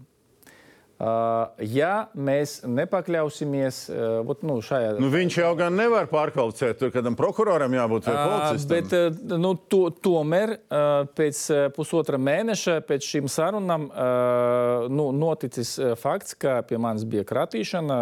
Es esmu aizdomas turētais lieta. Uh, Uh, kur Burovs. es neizpaužamu informāciju. Nē, es nezinu, Man, mēs nelaižam ar šo planku šīs, šim raidījumam. Varbūt tā ir sakritība. Varbūt tā ir sakritība. Nosūtīju ierakstu šai, šai, šai, šai runai, un jūs varat to atskaņot, ja, ja gribat. Labs jūsats TikTokam. Uh, labs, jā, jā. Buros tomēr Jūs zināt, kādu ierakstu atsūtīja? Uh, uh, Jūs tomēr viņa ir amatpersona, jā, un uh, viņa, teikt, atļavas tādas uh, runas, jā. Labi, man... atgriežamies pie valsts. Uh, valsts līdz 5 miljoniem, visu nodokļu maksātāju līdz 5 miljoniem, nevis reizeknis, ir tā summa, pap kuru visu šo, šos mēnešus ir runa. Finanšu ministrijas šobrīd pozīcija, un tā skaitā tās komisijas, ko jūs vadat pozīciju tie 5 miljoni ne pie kādiem nosacījumiem neaiziet vairs līdz Rēzaknei pirms domas atlaišanas, vai aiziet? Tā nav komisijas pozīcija. Tas ir ministru kabineta lēmums, kur Reizeknas pilsētas domai ir uh, ļoti skaidri pateikts, pie kādiem nosacījumiem šis aizdevums ir izsniedzams. Un tie ir galvenie no tiem ir trīs. Proti, viens, ka tiek pieņemts uh, likumā noteiktajā termiņā uh, sabalansēts budžets. Mm -hmm. Otrs - visu Reizeknas pilsētas kontu pārnešana uz valsts kasi. Mm -hmm. Un trešais - domas lēmums par to, ka netiks uzņemtas jaunas finanšu saistības. Šobrīd nav neviens, ne otrs, ne trešais izpildīts. Tā kā tas nav komisijas lēmums šobrīd. Man vispār ir jautājums, gribētu, ja kāpēc... Ļaujiet, Lūks, kundzei pabeigt, ļaujiet tagad, Lūks, kundzei pabeigt, Burokums. Es tikai īsi pie, atbildēšu Bartaševits kungam par to, ka tas ir politiski motivēts. Mēs esam strādājuši piecās komisijas sēdēs, mēs esam arī ekspertu līmenī ar Reizeknas pilsētas domi um, strādājuši dažādos uh, formātos par to, lai palīdzētu Reizeknas pilsētas domai. Un arī Bartaševits kungs, jūsu pieminētais tas, ka gada beigās varēja samaksāt visiem darbiniekiem algas. Nu, tas bija Finanšu ministrijas uh, palīdzīgā roka jums. Tas bija tas, ka mēs valsts kasē uh, pārcēlām šo pamatsummas atmaksu. Tā kā mēs esam no CFLA uh, grozījums līgumā par projektu līguma termiņu pagarināšanu. Mēs esam pieņēmuši, ministra kabineta lēmums ir pieņemts. Pamatsummas pārcelšana valsts kasē ir pieņemts, ka mēs no savas puses visu esam izdarījuši, kas ir, par ko mēs esam vienojušies. Un nekādas politikas tur nav. Uh, tur pilnīgi nekādas politikas. Jūs... Jautājums ir tikai, beigās tas jautājums bija tikai par to, ka viss tas, ko jūs stāstījāt stabilizācijas komisijas sēdēs, nevainagojās ar Reizeknas pilsētas domas lēmumiem. Ja jūs piešķirtu tos kredītus, kurus jūs plānojat piešķirt šogad, bet tas būtu izdarīts uh, arī uh, pēc nu, absolūti pamatoti. Ja? Uh, tad, kad mēs prasām sadardzinājumu uh, kredītu uh, atbilstoši ministru kabineta noteikumiem, ja? tad, uh, un starp citu, uh, tā padome, kur bija jāpieņem šo lēmumu, viņi nepieņēma lēmumu, bet diezgan dīvainu ja? attiecībā par šiem kredītiem. Mēs pieņemam zināšanai tos kredītus. Kāpēc nebija ne atteikts, ne apstiprināts? Eh, es saskatu, ka tur tiešām ir tas viens no pierādījumiem, kāpēc tā bija īpaša attieksme pret Rezekni un kāpēc mēs ciešam zaudējumus apmēram pusmiljonu soda sankcijas. Ja, tā, ja tie paša nauda būtu piešķirta laikus, ja, tad nebūtu nekāda soda sankcija. Ja, un, un viss notiktu. Nu, jūs ļoti labi zinat, ka mēs nevarējām šo aizņēmumu ātrāk piešķirt tieši tādēļ, ka nepārtraukti no Reizeknas pilsētas domas nāca pretrunīga informācija to apliecina arī valsts kontrole. Mēs ne, un arī tas, Pretrunīga. ka ir šie kavētie kas, maksājumi. Nu, uh, jūs prasījāt par īpašo situāciju. Reizeknē tādā ziņā ir īpaša situācija, jo nevien, nevienai citai pašvaldībai šobrīd nav nevienu kavētu maksājumu. Priekš sevis es konstatēju, ka tā pretrunīga informācija attiecas vienīgi uz uh, mūsu neapmaksātām saistībām, ja, kas mainās katru dienu. Ja. Uh, mums prasa, mēs uz konkrētu datumu dodam, ka mūsu neapmaksātas saistības ir tādas. Ja? Un mums teica, ka atvainojiet, mēs to izlasījām pēc nedēļas, un, un izrādās, ka jums tie dati pamainījās. Ja? Nu, klausieties, nu, kā, kā bērnu dārza. Man ir jautājums, kāpēc 19. februārī jūs nepieņemat Rezeknes domas lēmumu par budžeta izdevumu optimizāciju un brīvprātīgo funkciju pārskatīšanu, kur ziņotais bijis izpildirektors. Viņš stāstīja, debatas uztais tikai bijušais mērs un stāstīja par to, kā mēs varam to optimizēt. Ja? Tas bija pamats tam, ka pēc divām dienām netika apstiprināts budžets, kur vispār Kura datuma tas bija. Un par šo datumu pagājušā pirmdiena. Un šeit tas ir tāds gadījums, nu, pirmo reizi, man liekas, Latvijas vēsturē par šo dokumentu, lai izveidot priekš jūsu obligāta prasība nulles budžetu, balsē opozīcija, bet pozīcija tā izskaita jūs pret. Uh, sakiet, lūdzu, kāpēc par to jūs nebalsojat 19. datuma, un kāpēc uz tādiem pašiem nosacījumiem jūs esat tagad, nākamnedēļ, esat gatavi pieņemt bezdeficīta budžetu? Uh, tajā dokumentā ir atsevišķas pozīcijas, kā mēs nevarējām piekrist. Pieņemsim, uh, ielikt ieņemumu daļa uh, soda sankcijas uh, no, no būvniekiem. Uh, kas nu, principā nu, nav tā nauda, uz kuru mēs varam cerēt. Nu, pieņemsim, ja? Otrais moments, kas mainīsies cita lēmuma, ko mēs sagatavosim pēc budžeta izskatīšanas, rītdien mēs skatīsim. Ja? Tur nebūs, kā teikt, čet, čet, čet, četras dienas darba nedēļas Uh, tikai sākot no 1. jūlija. Ja? Nu, tas ir tikai tas lielākais. Jūs varat mainīt sēdes ja? laikā un sagatavot uz budžetu. To mēs visi zinām. Burokungs, kas ir jūsu atbilde pašam? Ja zināt, kāpēc? Kāpēc nu, tāpēc, ka savā laikā, kad es biju novembra beigas, doma un mēģināja tiešām atrast šo kompromisu, lai doma var strādāt. Ja? Tā jau laika bija 400 tūkstoši uh, jau novembrī parāds būvniekiem. Tas ir pirmkārt. Ja? Otrkārt, uh, Parāda būvnieki tajā laikā, tajā laikā man stāstīja, jā, Bija lai mums atlaiž. Parādījās informācija par atlaišanu un uzreiz plānu pieņemt budžetu. Nekas nav mainīts. To visu varēja pieņemt tajā datumā. Jau tad parādi bija pie 3 miljoniem. Tajā. Uz šī fona tagad, ja šitas turpinās, šitas un visādas jēzgas. Un likums lēnām tiek izstrādāts. Nu, lēnām ātri, bet nu, vienalga tās ir nedēļas, varbūt tas ir mēnesis. Diezgan ātri būs ar katru dienu, kam paliek sliktāk vai nepaliek sliktāk? Vai kas ir ieguvējis no visas šīs stāsta? Es domāju, ka tas, kurš pilnīgi noteikti nav ieguvējis, ir Reizeknas pilsētas iedzīvotājs. Un tas, kas mums ir jādara, un tas arī, ko mēs kā stabilizācijas komisija esam darījuši, lai nodrošinātu Reizeknas pilsētas stabilu, um, stabilu dzīvi, ja tā var teikt. Un, uh, šobrīd nu, kā tas iedzīvotājs viss... nav? Pagaidām jau viņiem tur kaut kādas maksājumas veids. Nu, viņš... Nekādas ietekmes uz iedzīvotājiem absolūti. Man ir Mēs jautājums, Uh, Tas, ka mēs pieņemsim 7. ma- uh, martā uh, to budžetu, nu nekāda veida neietekmēs konkrētus iedzīvotājus. Kā cieši iedzīvotājs šobrīd? Un šobrīd es domāju, tā nenoteiktība, kas pilsētā ir, ir pietiekoši augsta. Un, ja mēs runājam arī par to sadarbību, ko Buraukungs teica, viņš novembrī bija finanšu ministrs, 10% bija pirms Ziemassvētkiem, Bērziņas kundze bija arī Ar decembrī. viņu viņu neviens Visi ir runājuši, un līdz ar to nevar teikt ne par kādu politisko attieksmi pret Rēzeknu, jo visi ir braukuši ar sadarbības piedāvājumiem uz turieni. Papildināt attiecībā par iedzīvotājiem. Šodien mums bija saruna Latvijas stundā, kur man jāsaka, diemžēl aicinātais no kopā Latvijas Teckungs atteicās piedalīties šajā diskusijā, Jā. raidījumā. Līdz ar to bija tikai opozīcijas viedoklis, bet jebkurā gadījumā opozīcijas viedoklis arī ir vērā ņemams. un Tas ir, ka nu, iedzīvotāji ir tomēr satraukti par situāciju pašvaldībā un par savu nākotni. Tas, ka šobrīd tiek ir veikti maksājumi, bet tas ir ļoti būtiski, kāds ir šis arī emocionālais klimats pašvaldībā. Nu, valstī arī emocionālais klimats ne visos Labi, jautājumos ir, labs tas ir, ka protams, maksājumi Tiek jāpiebilst. veikti nu. ir viens, bet otrs tā nenoteiktība, kas šobrīd ir, nu, tā atstāja savu. Bērziņas kundze, valstī ar mums nenoteiktība tik daudzos jautājumos, nu, būsim ne, reāli. ne Bet tādi, ir kā īpaša tā ne- šobrīd, ne tādi, kā tas ir šobrīd ā, Rēzeknē, pateicoties visai šai situācijai. Bet man gribētos teikt, ka mēs jau šodienas no diskusijas nu, tomēr redzam, ka Rēzeknes doma savas iespējas un savu nu, teiksim, tādu pilnvērtīgu darbu veikšanu ir, nu, viņi, viņi savas iespējas ir Nu, mēs redzam divas, Nav. divas dažādas, Nav, divas dažādas ir, pozīcijas. Situācija tāda, un es tā gribēju papildināt par to, kurš tad ir ieguvējis vai zaudētājs no tās situācijas, ka 21. februārī netika apstiprināts budžets. Nu, mums ir aizdoms, ka ieguvēji ir tie, kuri saņems tagad šos pieaugušos procentus, kas ir pa parādiem būvniekam. Un, jā, nu, tad jautājums ir. Kāpēc Reizeknas domas deputāti 21. februārī nepieņem šo budžetu? Mēs par šo jautājumu esam vērsušies arī ģenerālprokuratūrā.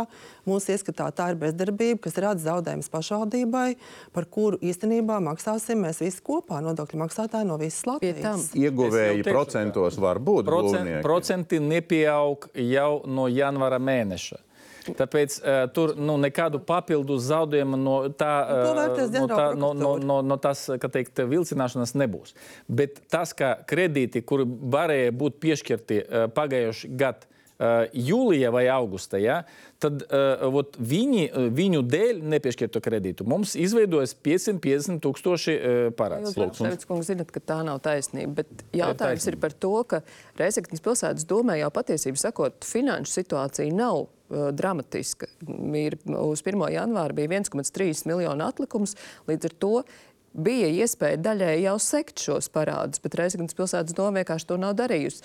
Tā kā tas nav jautājums tikai par kaut kādiem jauniem aizņēmumiem, bet arī par finanšu budžetu un finanšu vadību kopumā. Jūsu pieminēta nauda bija sadalīta, bet opozīcijas deputāti atteicās nobalsot par šo dokumentu. Jā, tad mēs pārdodam. Bet vienalga tā nauda tiks iekļauta 24. gada budžetā un, un, naudas protams, ka uh, sadalīta jā, un, un, un atbilstoši tiem norādījumiem, ko mēs saņemam no finanšu ministrijas. Es, es varbūt iedošu vienu piemēru. Šodien bija saimā Tālsu pašvaldība, Sari. kurai nu, visām pašvaldībām šogad ir ļoti smagi budžeti, bet nu, Tālsiem arī ir bijušas kļūdas, un teiksim, viņi pieņēma pēdējā dienā ļoti smagu lēmumu, lai sabalansētu budžetu. Mēs klausījāmies, arī tur krita mērs, ir, ir jauna mm, Pateicu. vadība, bet godīgi sakot, nu, deputātiem prātā nenāca domāt, nu, ka te ir vēl viens kandidāts uz domas atlaišanu. Tāpēc, tur mēs jūtam, nu, tie visi bijušie mēri, kas sēž eh, saimā. Nu, kad, kad pretī ir cilvēki, kas ir atbildīgi, kas saprot situāciju, kas atzīst savus kļūdas, kas nemelo, un, un, un tā ir krīzes vadība. Savukārt Reizeknē mēs redzam, piedodiet par salīdzinājumu Minhausenu, kurš visu laiku maina liecības, melo, stāsta, ka balts ir melns un ka melns ir balts. Un patiesībā, ja jūs būtu tikuši galā ar savām finansēm, eh, lai jums veicās, bet jūs prasat palīdzību valstī, citiem nodokļu maksātājiem. Un te ir tā principiāli atšķirīgā situācija. Jums palīdzēs, bet tad nostājieties uz ceļa, izdariet to programmu minimums, ko saka valsts kontrole, un sakārtot kaut ko elementāru budžeta Un kas tad būs? Arī- Mēs prasām vienlīdzīgu attieksmi. Politiski iedodiet pret visām citām pašvaldībām, arī pret Rēzekni. Arī tas, ko es redzēju, kad es biju Rēzeknē, opozīcija vispār neredz budžetu, jūs viņus neinformējat. Jūs Ja nesasaucat finanšu sēdi. Viņi pusotru stundu budžetu. pirms domas saņem budžetu. Draugi, laikā, un, un, un Tā- tas bija gan 23. Tā gada, ir gan iepriekšējos gados. Pārkāpjat. Jūs Un- nevarat vienkārši piesmiet demokrātiju. Spriņķukungs. Tā nav jūsu nauda. Vien, vien, viens, frāzes, jā, nu, viens precizējums. Ja jūs sakat, jārīkojas tā kā talsiem, A, ja notiek brīnums, nu jūsu uztverē brīnums, un viņi sāk rīkoties, tad, tad, tad neatlaižam. neatlaiž. Ja, ja būtu bijis tā, ka, uh, piedodiet, viņš met kažoku uz otru Jā, pusi, bet- sēž, dara, ko var, strādā ar opozīciju, strādā ar sabiedrību, izskaidro, kāpēc mēs nesīsim. Tā ir ir diena- scenārijs, Nu, vai ir scenārijs par neatlaišanu? Tā ir diena,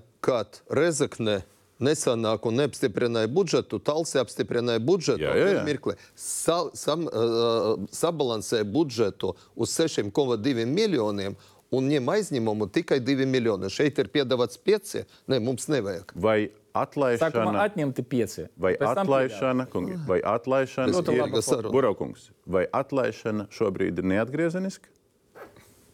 Es uzskatu, pie esošās politiskas vadības, ka domas priekšsēdētāja pienākumu izpildītājs nevar atbraukt un bijušais nāk un vada preskonferenci uz visu vadu un vada šo partiju. Es uzskatu, ka tas ir neatgriezeniskais rezultāts, ka tas ir pareizs un nepieciešams laiks, lai tiešām administrācija sakārto šo saimniecību un dot iespēju visam partijām piedalīties. Paldies. Uh, arī, ne, arī tāpatās neatgriezenisks, nenovēršams uh, atlaišanas process ir. Lai kas notiktu tuvākajās dienās un nedēļās? Mans personīgais viedoklis ir ā, tāds, ka Reizeknas doma savu darbu ir s- spēju strādāt, ir izsmēlusi un tā ir atlaižamā, bet uzsver vēlreiz, tas ir mans personīgais viedoklis. Un mēs, kā varam ministrijas, šobrīd ļoti aktīvi strādājam pie likuma projekta par atlaišanu, bet mēs vērtēsim pilnīgi visus apstākļus ļoti uzmanīgi, jo mēs tā, dzīvojam tiesiskā valstī un pilnīgi galīga atbilde, es domāju, būs pusotras, divas nedēļas laikā. Labi, un tagad vēl viens jautājums. Krīzes vadība, teica Springļukungs, un šie trīs uh, likumā noteikti administratori. Vai kurš katrs, ar neko negribot teikt sliktu par ierēģiem vai kādiem citiem cilvēkiem, uh, nu, Rīgā bija ar pagaidu administrāciju, nu, ko viņi izdarīja, ko neizdarīja. Tur arī pēc tam bija diskusijas. Jā. Uh, vai kurš katrs var izdarīt to, kas te tika pieminēts, un tur visu sakārtot, visu izrevidēt, nu, turpināt tur valsts kontrolas iesākto un, un tam līdzīgi. Tam līdzīgi. Restīvi, kam ir jābūt vai kam nav jābūt administratoriem? Pirmkārt, tas ir trīs cilvēki, kas pārstāv droši vien juristu, eh, juristam, finansistam jābūt būt, nu, un redzēsim vēl kāds trešais. Eh, Rīgas gadījumā eh, finanšu ministrija, tieslietu ministrija varam. Jā. Ministrija deleģētiem trīs ārodu pārstāvjiem, citas versijas. Mm, Tie, tā, Nav obligāti. Ne tikai ne, no, nav versija. nav obligāti tiem jābūt ministriju pārstāvjiem. Tie var būt arī es nezinu, juridiskā biroja pārstāvi vai kāds auditoru kompānijas Pats maksāt nespējas administrators. Dažādi, dažādi var būt tie, kurus No sakārtot procesu Reizeknē. Kas ir versijas? Ja, Nu, skatoties uz to, ja mēs šobrīd runājam, lai valsts ietu iekšā kā administrators, kam ir jābūt šiem administratoriem, lai viņi izdarītu iespējami labāko ceļu? Jā, viennozīmīgi ne politiķiem. Jā. Mēs par šo jautājumu runājam arī sadarbības sanāksmē. Viennozīmīgi tie nevar būt politiķi, tiem ir jābūt profesionāļiem, kā jau Burokungs minēja. Bet tālāk sadarbības sanāksmē konkrētāk neizrunājāt. Līdz konkrētiem, ja jūs runājat par konkrētiem uzvārdiem, Nē, nu vismaz uzvārdiem- kritērijiem. Ja ne uzvārdiem, tad kritērijiem. Nu, kam tiem jābūt? Nenonācām. Finanšu ministrijā nav kandidāts, ko mēs zinām, šito virzīsim. Nē, nu šobrīd nav kandidāts. Nav kandidāts. Bet es teiktu, ka šeit ir vēl viena problēma, ka mums būs grūti atrast tīri tādēļ, ka, š, ka cilvēki varbūt nemaz negribēs, jo kā mēs Rīga redzam, ar auditoriem, Tieši piemēram, zvērnāt revidenti. Šobrīd eh, konkurss ir beidzies bez rezultātu, neviens nav gatavs reizekni revidēt, un šo funkciju šobrīd ir uzņēmusies valsts kontrole. Nu, viennozīmīgi tas nebūs vienkārši, jo, protams, labākajā variantā būtu, ja šis cilvēks būtu no Rēzeknas vai vismaz ā, no tuvumā esošas ā, pašvaldības. Bet, ja tas nav iespējams, tad tas būs no Rīgas. Bet, jebkurā gadījumā to nevar darīt no Rīgas. Labāk Tas no nozīmē- Rēzeknas vai tuvas pašvaldības. jūsuprāt? Nu, protams, tāpēc ka tam cilvēkam ir jādzīvo uz, nu, uz vietas, jo, no ka, jo ja tas bija no, Rīg, no Rīgas, tas ir ikdienas darbs, tad tas Nu, nozīmē, ka cilvēkam ir jāpārceļas uz kādu laiku vai nedēļas uh, kaut kādu lielas daļas laiku. Bet mēs saprotam, ka uz dotu momentu piecas partijas, tā skaitā arī varas partijas, ir apvienojušās Rezekne. Tur viņiem ir apvienība, ar kuru viņi gatavi iet jaunajām vēlēšanām. Pilnīgi absolūti skaidrs, un nevajag te maldināt sabiedrību, varbūt vārdu uzvārdi skaļi nekur nav parādījušies, bet viņi saprot, kas būs tie cilvēki, kas nāks uz turieni. Jo, kā es vēl esmu pateicis, Aleksandra zināmā piedošana, tāda arogance ir novedusi līdz šitai situācijai. Tas ir fakts. Un, protams, administratoram uz dotu momentu būs uh, konkrēts uzdevums atrast. Un viņš atradīs. Mm. Par ko pēc tam vēl turpināt šo dialogu, varbūt citas slieksni. Tas ir absolūti skaidrs. Tāpēc es domāju, ka nevajag tas staigāt apkārt. Piecas partijas uzdodot jau ir apvienojušies Rezekne, un viņi jau ir gatavi ķerties tam darbam klāt. Tas ir fakts. Reģiona apvienība viena no piecām. Es, ne, tā ir pilnīgs Pilnīgs, muļķības, ko šobrīd runā Rostīgau Pilnīgi nepatiesība. Es tomēr... Piecas nu, partijas taču apvienojušies, vai ne jau? Bet Es- saka, tas, ko teica valsts kontrole raidījuma pilnīgi sākumā. nepatiesība. Bet tas ir patiešām bu- tiešām tas mērķis, kas, kas Nē, ir. nē, es, es pateikšu, Pilnīgi ka budžeta vadību nosaka likumi. Tas ir standarts, ko jau visas pašvaldības ir ieviesušas. Tas, kas ir Rēzekne, un es šobrīd runāju to, ko es pamanīju tajā reizē, kad es biju vēl augustā. Tad, tad jums ir viennozīmīgi jā, jāizveido centralizēta grāmatvedība, lai jūs redzat savu naudas plūsmu. Marta Beigas jau latvietīga pa plāna rakstīts. Marta Beigas tas tiks Otrs, izveidots. Ja? jums ir jāiedibina- Tagad jau pa, pamata darbs jau Es paveikts. pateikšu, otrs jums ir jāiedibina demokrātiska sistēma, ka deputāti pārvalda budžetu. Tātad izpildvaru atskaitās deputātiem, un jūs grozat budžetu. Viņš kungs, jūs runājat ar atlaižamās domas deputātu šobrīd. Kādi administratori to vislabāk sakārtos? Administratoram būs jāie, jāizveido šīs. Kādi administratori vislabāk to izdarīs? Kas tie būs pa cilvēkiem? Es domāju, tas var būt jebkuras pašvaldības finanšu direktors, kuru sekundē uz, uz laiku, uz kontraktu, uz šo pašvaldību. Nu, Ja jūs spējat pieņemt uz brīdi, ka šis scenārijs iet tajā virzienā un notiek, kas ir labi vai slikti administratori? Es jums teikšu tā, ka uh, pa lielam uh, jau visas pašvaldības nostādītas tādā stāvoklī, uh, nu, dēļ finansēm, ja, ka uh, viņiem ir administrators vai nav administrators, bet uh, visa vadība notiek no centra. Kāpēc? Tāpēc, ka uh, atņemta visa nauda, kas bija pieejama uh, līdz šim pašvaldībām, lai uh, realizētu kaut kādas uh, brīvprātīgas iniciatīvas. jūs ja. dzīvojat uz dotācijām, nu nav nekas atņemts. Arī tas cits stāsts, ka Rīga baro visas pašvaldības. Rīga un. Klausieties, Rīga un nu, Pierīga. vēl nedaudz, vēl nedaudz, jā, un uh, visa, uh, visi mūsu reģioni būs tukši. Un Rīga tiešām tikai uz sevi to, to, to terēs to naudu, ka, ko viņa it kā pelna uh, tikai Jā, pati. to mēs laiks rādīs, bet labi un slikti administratori tur jums dalījuma nav. Jā, nu, Kas būtu labs vai slikts administrators? Uh, politiska figūra būs administrators. Te Tu, tu, Rīga tas, tas ir simtprocentīgi varu pateikt. Ja? Un, un, un, protams, ka viņi realizēs uh, to cilvēku uh, Tur gribu vai To mēs pārst- redzēsim. partiju pārstāvju gribu, kura nozīmē šo To administrāciju. mēs- Ja? plānojam būvēt spārīgā. Uzreiz pateikšu. Uh, tas, ka tā, tā notika Rīgā, pieņemsim, jā, tur arī nu, ka teikt, bija izdarīti visi, visas politiskas Es pateikšu figūras par vienošanos ar partiju. Jūs tā nevarat norimties. Dobra, Nu, jums vēl būs ko. Dombarakungs, es pārstāvu partiju gods kalpot Rīgai, mums intereses Latgala nav. Es šobrīd man ir līgums par sadarbību ar zemniekiem. Un tur jums Zemniekiem- intereses ir? Zemniekiem nav intereses. Zemnieki, diemžēl, nav pārstāvēti, viņiem nav ietekme. Burakungs, Tāpēc mēs ne par jums šobrīd diskutējam. Es runāju par, par politisko, tas ir uh, es reģijos politisko vienošanos. Vēlreiz būs profesionāli administratori, būs Rezeknas atlaišanas lēmums, būs uzvardē. Badris kundze, kas varētu labi administrēt un kas varētu slikti administrēt šo pašvaldību? Noteikti nevar nosaukt, neiedomāties uzvārdus, bet tikai vienā vārdā profesionāli. Nu, neko citu es pateikt nevaru. Jo tas, ko tikko minēja arī Bartaševičs kungs par to, ka tūlīt tās grāmatvedība būs centralizēta um, marta beigās, nē. Mēs vienojāmies ar Rēzekni, ka 1. aprīlī Rēzekne atnāks ar skaidrām darbībām un plānu, kā to izdarīt. Izdarīt to līdz 1. aprīlim nav iespējams. Tās ir milzu pārmaiņas, tā kā tās gan ir pilnīgs muļķības. Līdz ar to tur tam darbam ir jāturpinās. Gadu tas prasīs absolūti noteikti. To nevar izdarīt ātrāk. Nu, tiešām nevar. Tas prasa gan klasifikātoru salāgošanu, gan es nesaukšu tur tagad grāmatības visādus terminus, ja, bet tas prasa ļoti lielu darbu. Jo tad, kad sākotnēji Reizekne atnāca ar piedāvājumu šo ieteikumu ieviest, nu, burtiski rīt uz pusdienas laiku, mēs teicām, pag, pag. Šis nav vienkārši. Mēs gribam, lai jūs aiziet, saprotat, apstaigājat citas pašvaldības, paklausieties, kur ir labā praksa. Vajag aiziet uz valsts kasu, aiziet uz valsts kasu, parunājiet, viņi saprot, ko tas nozīmē. Un tad salieciet konkrēts realizējums darbības ar termiņiem.